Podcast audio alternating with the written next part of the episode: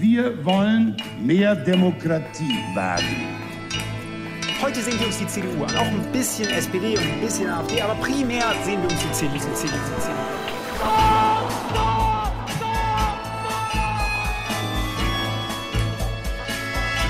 Niemand hat die Absicht, eine Mauer zu errichten.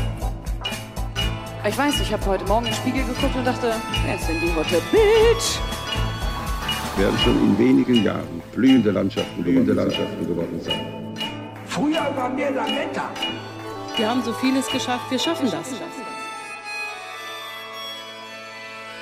Velkommen til Tyskerne, episode 125 med Ingrid Brekke. og Kai Schwind. I dag skal vi snakke om kunst og antisemittisme. Du har med deg en best siden sist, Ingrid. Men aller først ville du snakke om kjernekraft. Hvorfor i all verden ville du det? Eller jeg vet jo det, men hvorfor nå? Jo, altså energitemaet er jo så hett nå over hele Europa, men også i norsk debatt. Og her i Norge så er det mange, eller i hvert fall som jeg har hørt, da, ganske mange, som gjerne slenger ut av seg at tyskerne har vært så dumme ved å legge ned kjernekraftverkene sine, og at de burde ta dem i bruk igjen, eller bygge opp nye. Og for meg er det nesten meningsløse utsagn, fordi det aldri kommer til å skje. Det er litt som om tyskerne skulle si til Norge at neste år må dere bare bli med i EU. Altså politisk helt umulig. Ja, lykke til. Og derfor tenkte jeg det kunne være nyttig med en liten innføring da, i Tyskland og kjernekraften. Ja, det er en god idé. Og det begynte jo på 60-tallet at man bygde eh, kjernekraftverk, men allerede eh, tiåret etter, på 70-tallet, så økte demonstrasjonene. Eh, og etter Tsjernobyl-ulykka i 86 så ble det et flertall i folket mot kjernekraft. Og dette var jo også eh, partiet De Grønnes eh, store sak. For første gang så opplevde de eh, å ha en kampsak der de hadde flertallet av folket bak seg. Og dette er jo fortsatt deres kanskje absolutte kjernesak. Og så, i 2000, så ble det da bestemt at ingen nye kjernekraftverk skulle bygges. Og det ble jo bestemt fordi at det er jo ikke bare de grønne som er mot, uh, mot kjernekraften, men det andre partier også uh, ser jo hvor folkets vilje ligger, og har fulgt uh, den, delvis i hvert fall. Det siste ble jo bygd i 1982. Og i 2000 bestemte man da at eh, alle skulle være nedlagt innen 2021. Og så var det flere år med mye fram og tilbake. Den tidsfristen ble skjøvet litt hit og litt dit. Og Merkel var jo en av dem som ville ha lenger, eh, altså ha kjernekraft lenger. Men etter Fukushima-ulykka så snudde hun, og så ble det lagt en plan for når hver enkelt hvert enkelt atomkraftverk skulle legges ned, og det siste da i 2021. Og det betyr jo at Tyskland tok på seg den enorme oppgaven å både legge ned kjernekraftverk og legge om til grønn energi og trappende kull samtidig. Og det er jo da en av flere forklaringer på hvorfor avhengigheten av russisk gass ble så sterk. Det er helt riktig, og så er det ganske interessant å si hvor ulik denne utviklingen i hele Europa er. Hvis man f.eks. sammenligner Frankrike med Tyskland, ikke sant, som nesten har hatt en slags motsatt strategi, som har satsa på atomkraftverk, bygga opp flere kjernekraftverk osv., og, så videre, og eh, også importerte eh, atomstrøm inn i Tyskland og sånn, så det alltid en, eh, har ført til en sånn anspent forhold mellom Frankrike og Tyskland. Eh, med tanke på energipolitikk og også en utvikling av en sånn felles europeisk eh, visjon rundt det. Da har man nok eh, ganske forskjellige tilnærmingene, vil jeg si. Ja, nei, absolutt, altså. Og, og um, det er jo også vanskelig å sammenligne tysk og norsk energidebatt, eller egentlig mellom alle land, fordi Ja. man har så ulikt utgangspunkt, og man er i så veldig ulik situasjon. Men eh, for oss som følger da både tysk og norsk debatt, så er det jo én ganske påfallende forskjell, syns jeg. Og det at i Norge så driver man veldig mye med skyldfordeling og fortida. Eh, mens i Tyskland, som selvfølgelig er i en mye mer desperat situasjon, så ser man mest fremover. Altså hvordan løse problemene som er nå, og da eh, i årene som kommer. Og der spiller jo kjernekraft knapt noen rolle. Det er lite diskusjon om å ta i bruk gamle kraftverk eller bygge nye, sjøl om det fins jo kjernekraftentusiaster som nå har fått litt større plass i offentligheten enn før. da. Men før jeg kommer tilbake, før vi skal snakke litt mer om hvordan debatten er akkurat nå, så må vi jo forklare ordentlig hvorfor denne motstanden mot kjernekraft er så veldig stor i Tyskland. Og nå sitter jeg jo da her sammen med deg, Kai, som er en vaskeekte tysk kjernekraftmotstander. Og du kan vel da forklare hva dette handler om? Ja, det, det kan jeg prøve. Uh, absolutt. Altså På en måte er jeg jo preget som et barn som vokste opp på 80-tallet av den stemningen som du beskrev. ikke sant? Fremveksten av De grønne, som også gjorde et nummer ut av Tsjernobyl-ulykken, hvis man kan si det på den måten. Det var en angst og uro i befolkningen rundt dette. Det kan gå fort. Plutselig er det Supergau, som det heter på tysk, og så er det en radioaktiv sky som flyter over landet. Og jeg husker det fortsatt når jeg var da på barneskolen og vi ble møtt med spørsmålet ja, etter ulykken var det har dere dusja i helgen ekstra godt fordi det er radioaktiv sky i lufta, og Wow. vi måtte gjøre sånne antiatom eh, nedslagøvelse i klasserommet og sånt. Og det blir selvfølgelig sauset sammen også med den frykten av uh, kalde krigen, andre, eh, tredje verdenskrig som kunne skje osv. Så, videre. så det var denne stemningen, det er det ene.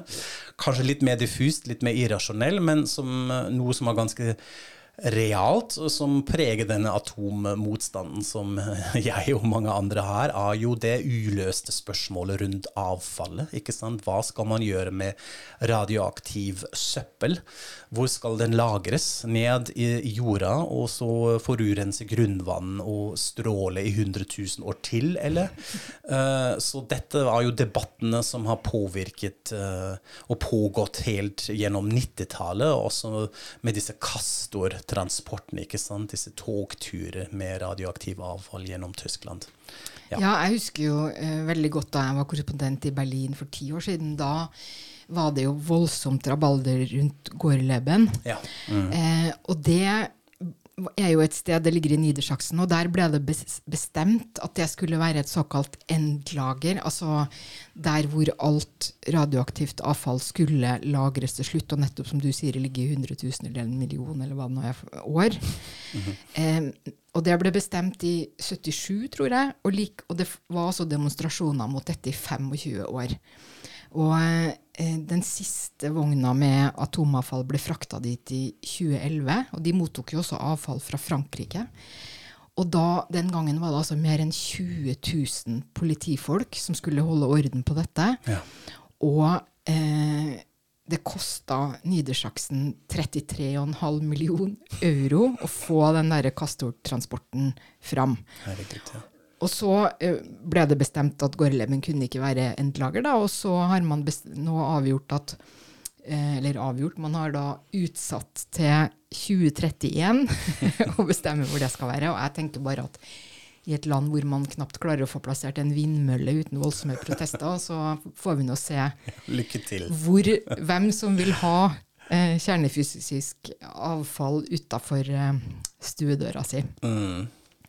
Men akkurat nå så handler denne eh, kjernekraftdebatten om de siste tre kraftverkene som er i funksjon. De skulle jo egentlig bli tatt ut av nettet omtrent nå. Men nærings- og energiminister Robert Habeck han har sagt at de skal være i drift til nyttår pga. den store energimangelen og krisen man står oppi nå. Men meningsmålinga viser jo at et flertall av eh, tyskerne ønsker at de skal eh, holdes i drift lenger. Eh, og et argument som ofte brukes, eh, det var jo det du var inne på, Kai, om at Tyskland uansett får atomstrøm i nettet sitt, bl.a.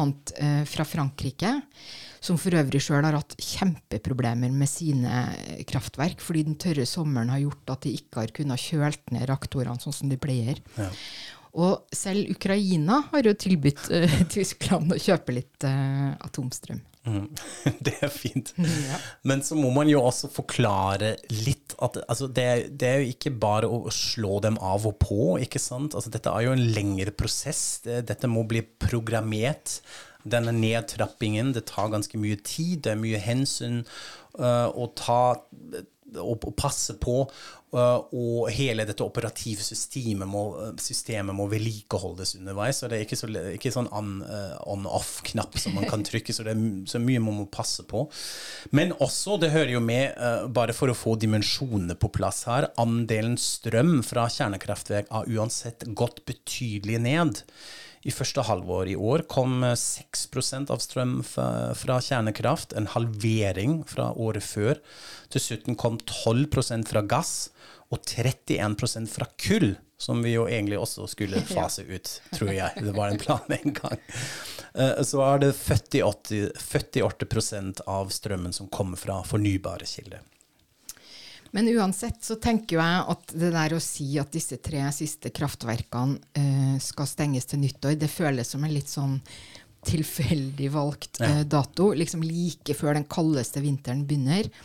Og den beste forklaringa jeg har hørt eh, så langt på dette valget, det er jo at det er delstatsvalg i Nidersaksen om to uker. Og dette er jo nettopp delstaten til Gorleben, hvor det er ekstra betent med alt som har med kjernekraft å gjøre. Og De Grønne ligger dessuten an til å gå litt ned. Eh, så det å sette i gang et voldsomt rabalder internt i De Grønne om dette, det er nok det siste Robert Habeck ønsker. Det er vel ikke bare jeg som tenker at han har en drøm om å bli kansler neste gang. Mm. Og da må han jo holde partiet samla.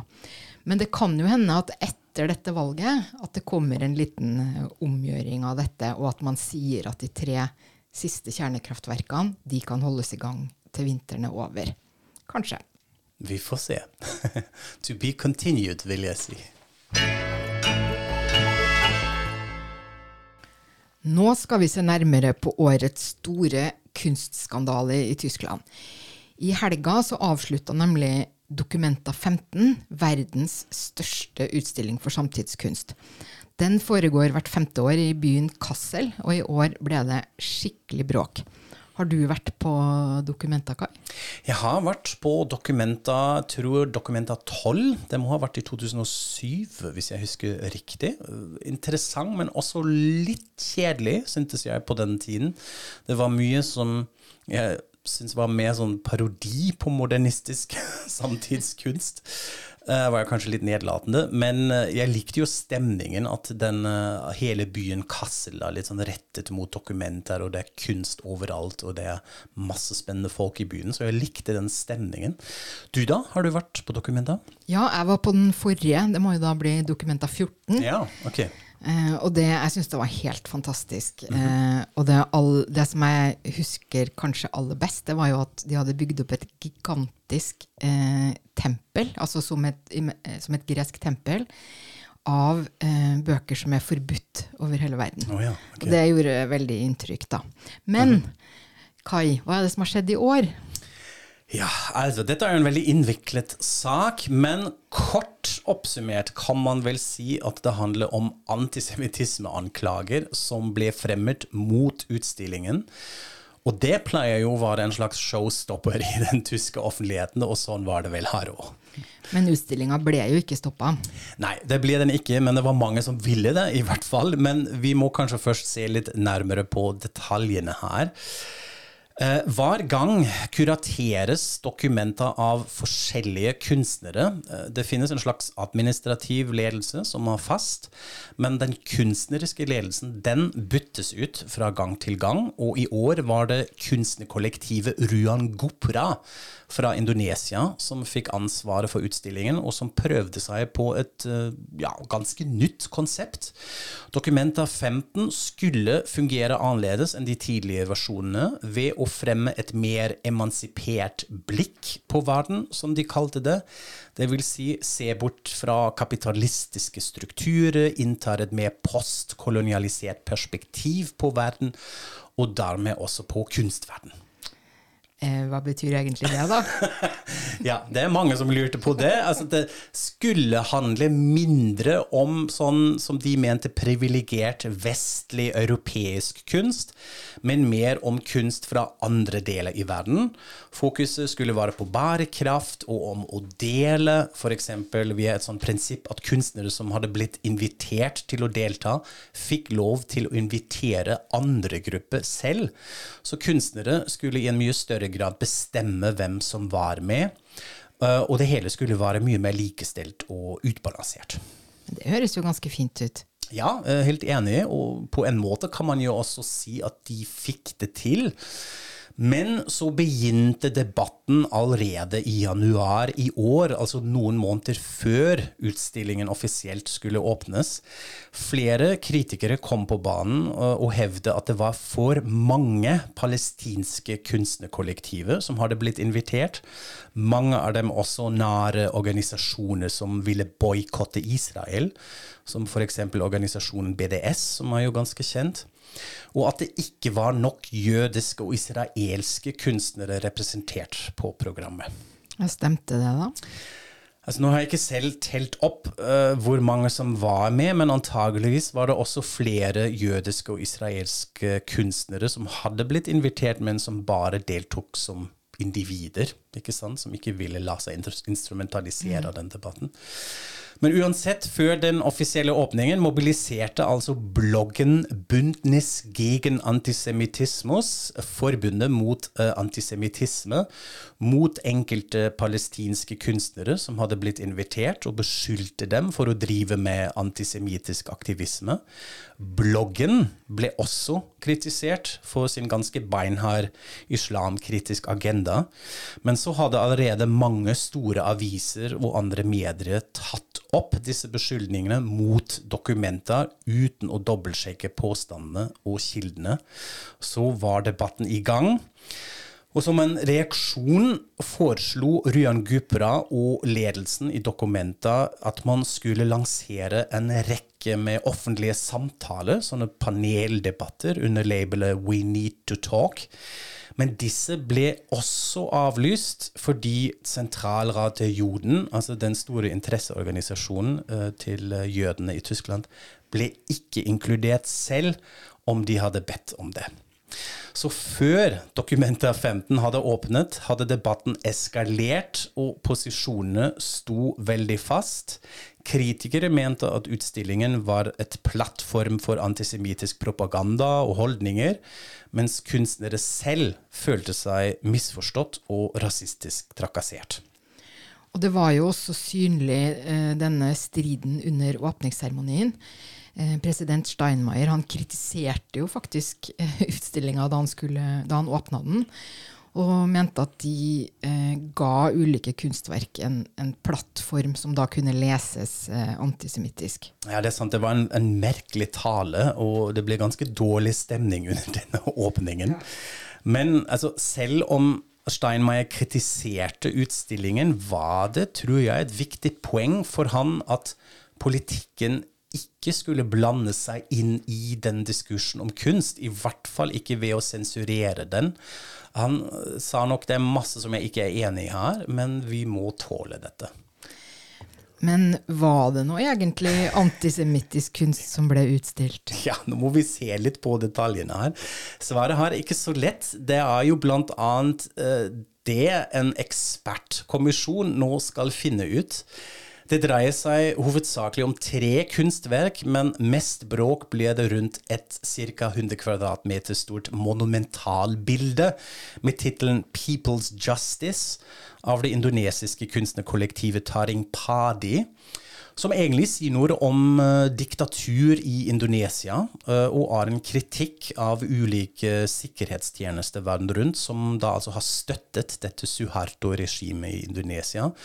Og den inkluderer tegninger som kan absolutt leses som antisemittisk. Der altså finner man også en sånn karikatur av en finansjøde, som det heter, uh, som blir ledet av en demon og en rekke med Mossad-agenter med grisehoder.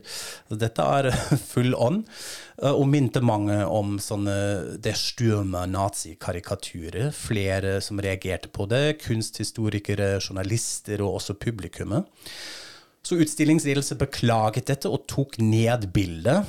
Eh, og også kunstnere selv la seg flate eh, og bare sa beklager, vi var ikke helt obs på denne ikonografien her. Ja, og Bølgene eh, rundt dette ble jo så store at det til og med havna i, i forbundsdagen. Men nå som uh, utstillinga er over, så kan man jo spørre seg får dette konsekvenser. Altså Hva skjer med denne ekspertkommisjonen? Har de kommet med rapporten sin? Ja, altså Det blir konsekvenser. Lederen for Dokumenta 15 trakk seg, og nå har det blitt satt ned som du sa, denne ekspertkommisjonen, som altså skal vurdere det som skjedde. Kommisjonen ledes av Nicole Deitelhoff, som er en konfliktforsker som er ganske kjent i den tyske offentligheten. Og det sier kanskje en del om hvor alvorlig man tar hele saken.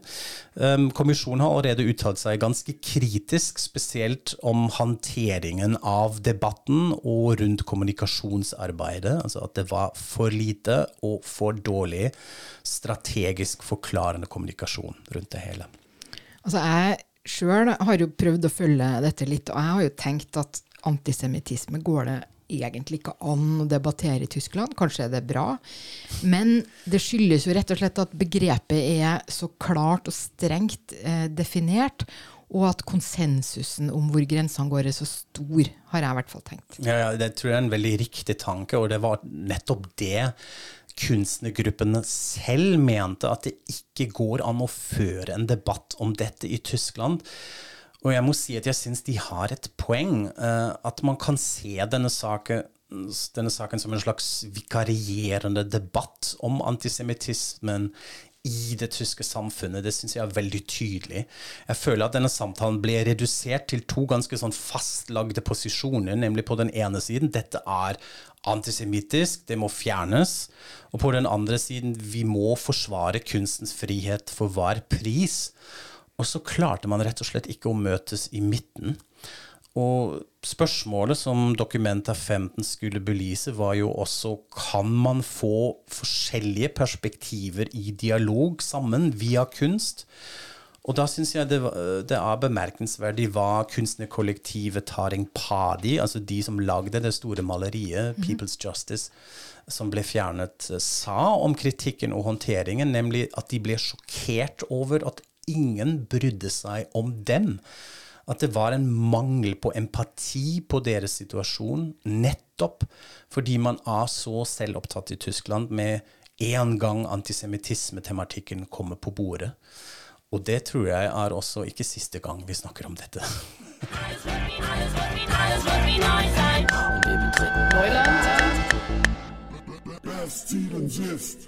Du har med deg en Best siden sist. Ingrid, hva handler den om? Jo, den handler rett og slett om dyr, nærmere bestemt eh, rev. Å oh, ja. ja. Fint. det er litt fordi eh, dette er en artikkel som jeg fant i Tipp, dette guidebladet eh, til Berlin. Eh, og jeg falt sånn for den fordi at eh, når jeg er i Oslo eller Berlin eller en eller annen, annen storby, så liker jeg alltid å tenke på at det er jo ikke bare mennesker som bor her. Det er jo selvfølgelig masse kjæledyr og katter og hunder og sånn, men det er jo også rotter og måker og masse slags fugler og all verdens eh, rare ting som vi kanskje ikke tenker så mye over. Da. Og i Berlin så bor det altså rever. De første revene eh, de kom til Berlin eh, 50, på 50-tallet. Og siden 90-tallet eh, så har faktisk rever bodd over hele Berlin. Altså i alle bydeler. Jeg sjøl har jo sett rev i Kreuzberg. Mm -hmm. Det var veldig stas. Ja. Eh, og så har de intervjua en sånn eh, villdyrekspert. da, Og han sier noe så spennende, nemlig at eh, rever de tilpasser seg jo storbylivet. Så i stedet for å Man har jo av og til tenkt at ja, de spiser masse sånn kjæledyr og sånn. Det gjør de ikke. De spiser rotter, og så går de i søppelkassene. Sånn at det å jakte, det, har, det instinktet har på en måte blitt bytta ut med at de leter i, i søppelkassene og, og, rundt omkring. Da. Ja, og han sier også at det eh, det er jo født en del rever i byen, og de ville ikke klart seg i skogen. Så tilpasningsdyktige okay. er de, da. Mm -hmm. Og eh, ja, det bor 1000 rever, jeg husker ikke om jeg sa det. Eh, og eh, man er ganske opptatt av at de må ikke fòres, Nettopp fordi de egentlig har sin egen hva skal man si, livsstil. og det er faktisk 5000 euro i bot eh, hvis Oi. man mater rev, fordi det ødelegger på en måte eh, mønsteret eller måten ja. de lever på. Da. Mm -hmm. Så det var egentlig det jeg hadde lyst til å si. Og så eh, syns jeg også en betegnelse han eksperten har, var litt eh, sjarmerende, nemlig at reva er opportunister. Veldig fint. Jeg, jeg digger denne tanken at Berlin er full med sånne hipster-urban-rever som ikke klarer seg i skogen lenger, men som sitter i kafeer med Mac-ene sine og gjør noe med medie eller sånt. Og Ja, jeg husker også at BFG sendte ut et sånt bilde av en rev på bussen. Det var riktignok i Grunewald, så det er mulig det, eh, det var ganske langt ute da. Ja. Men da, den var liksom i midtgangen på en buss som sto der og hadde pause. Da. Så Veldig fint. overalt. Det var en rev som skulle prøve om det skulle funke i, i skogen, så fant han ut nei, dette går ikke. Jeg må tilbake til midten og sånn og ta meg en kaffe latte. Veldig fint. Det er fint. Og ja, da runder vi av med dette her. Eh, Følg oss på Facebook og på Instagram, som alltid. Så er vi straks tilbake og sier auf Wiederhören. Auf Wiederhören.